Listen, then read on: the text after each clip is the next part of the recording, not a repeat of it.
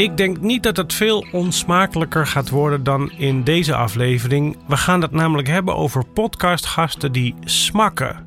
Of misschien ben jij het zelf wel. Dit is Kennisbank aflevering 43 als je gast nogal smakt. Ik ben Hajo Magree. Dit is Tussen de Oren, de podcast over podcasting van NAP1. Wij maken audiocontent. Deze aflevering gaat over mondgeluiden. En daarmee bedoelen we meestal kleine, plakkerige smakgeluidjes die ontstaan bij het spreken. Ehm, dit, eh, met permissie. De ene persoon heeft daar veel meer last van dan de andere. En het is sowieso tamelijk onsmakelijk om naar te luisteren. Sommige mensen worden er echt onpasselijk van. En daardoor zijn die smakgeluidjes iets wat we wel echt willen voorkomen. Nou gaat deze aflevering eigenlijk over podcast monteren, maar het voorkomen van die smakgeluiden doe je al tijdens de opname.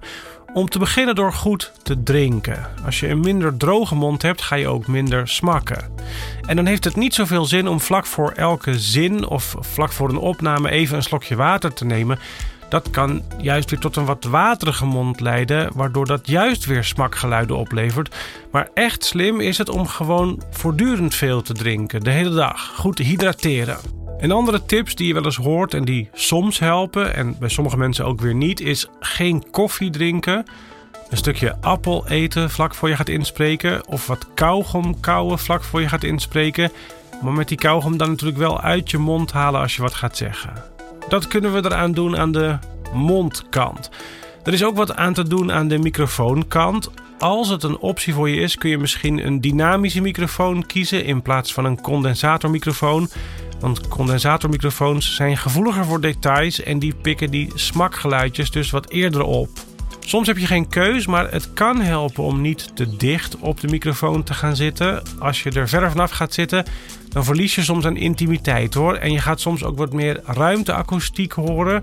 Maar soms is dat te verkiezen boven al te veel smakgeluiden. En dan kunnen we er in de montage nog wat aan doen. Want soms is het gewoon onvermijdelijk. Dan heb je af en toe van die smakgeluidjes. Die heb je dan gewoon mee opgenomen en daar moet je dan mee dealen. Nou, hoe meer en hoe steviger je compressie toepast, hoe harder je ook die smakgeluiden gaat horen, want die zijn nogal zacht. En wat we met compressie doen, is die zachte geluiden harder maken. Dus dan ga je ook die smakjes meer horen. Dus compressie subtiel en met mate toepassen. En vooral alert zijn op het optrekken van die smakgeluiden. En als dat niet helpt, en waarschijnlijk helpt dat niet voldoende, dan kun je ook nog een declicker gebruiken. Een ontklikker. Dat is een plugin, een audio-effect dus. En die zijn vaak uitgevonden in eerste instantie om tikjes te verwijderen die ontstaan bij het digitaliseren van langspeelplaten. Van vinyl als er stofjes op de plaat zitten. Maar die plugins die kunnen soms ook heel goed werken op gesproken woord, op dialoog.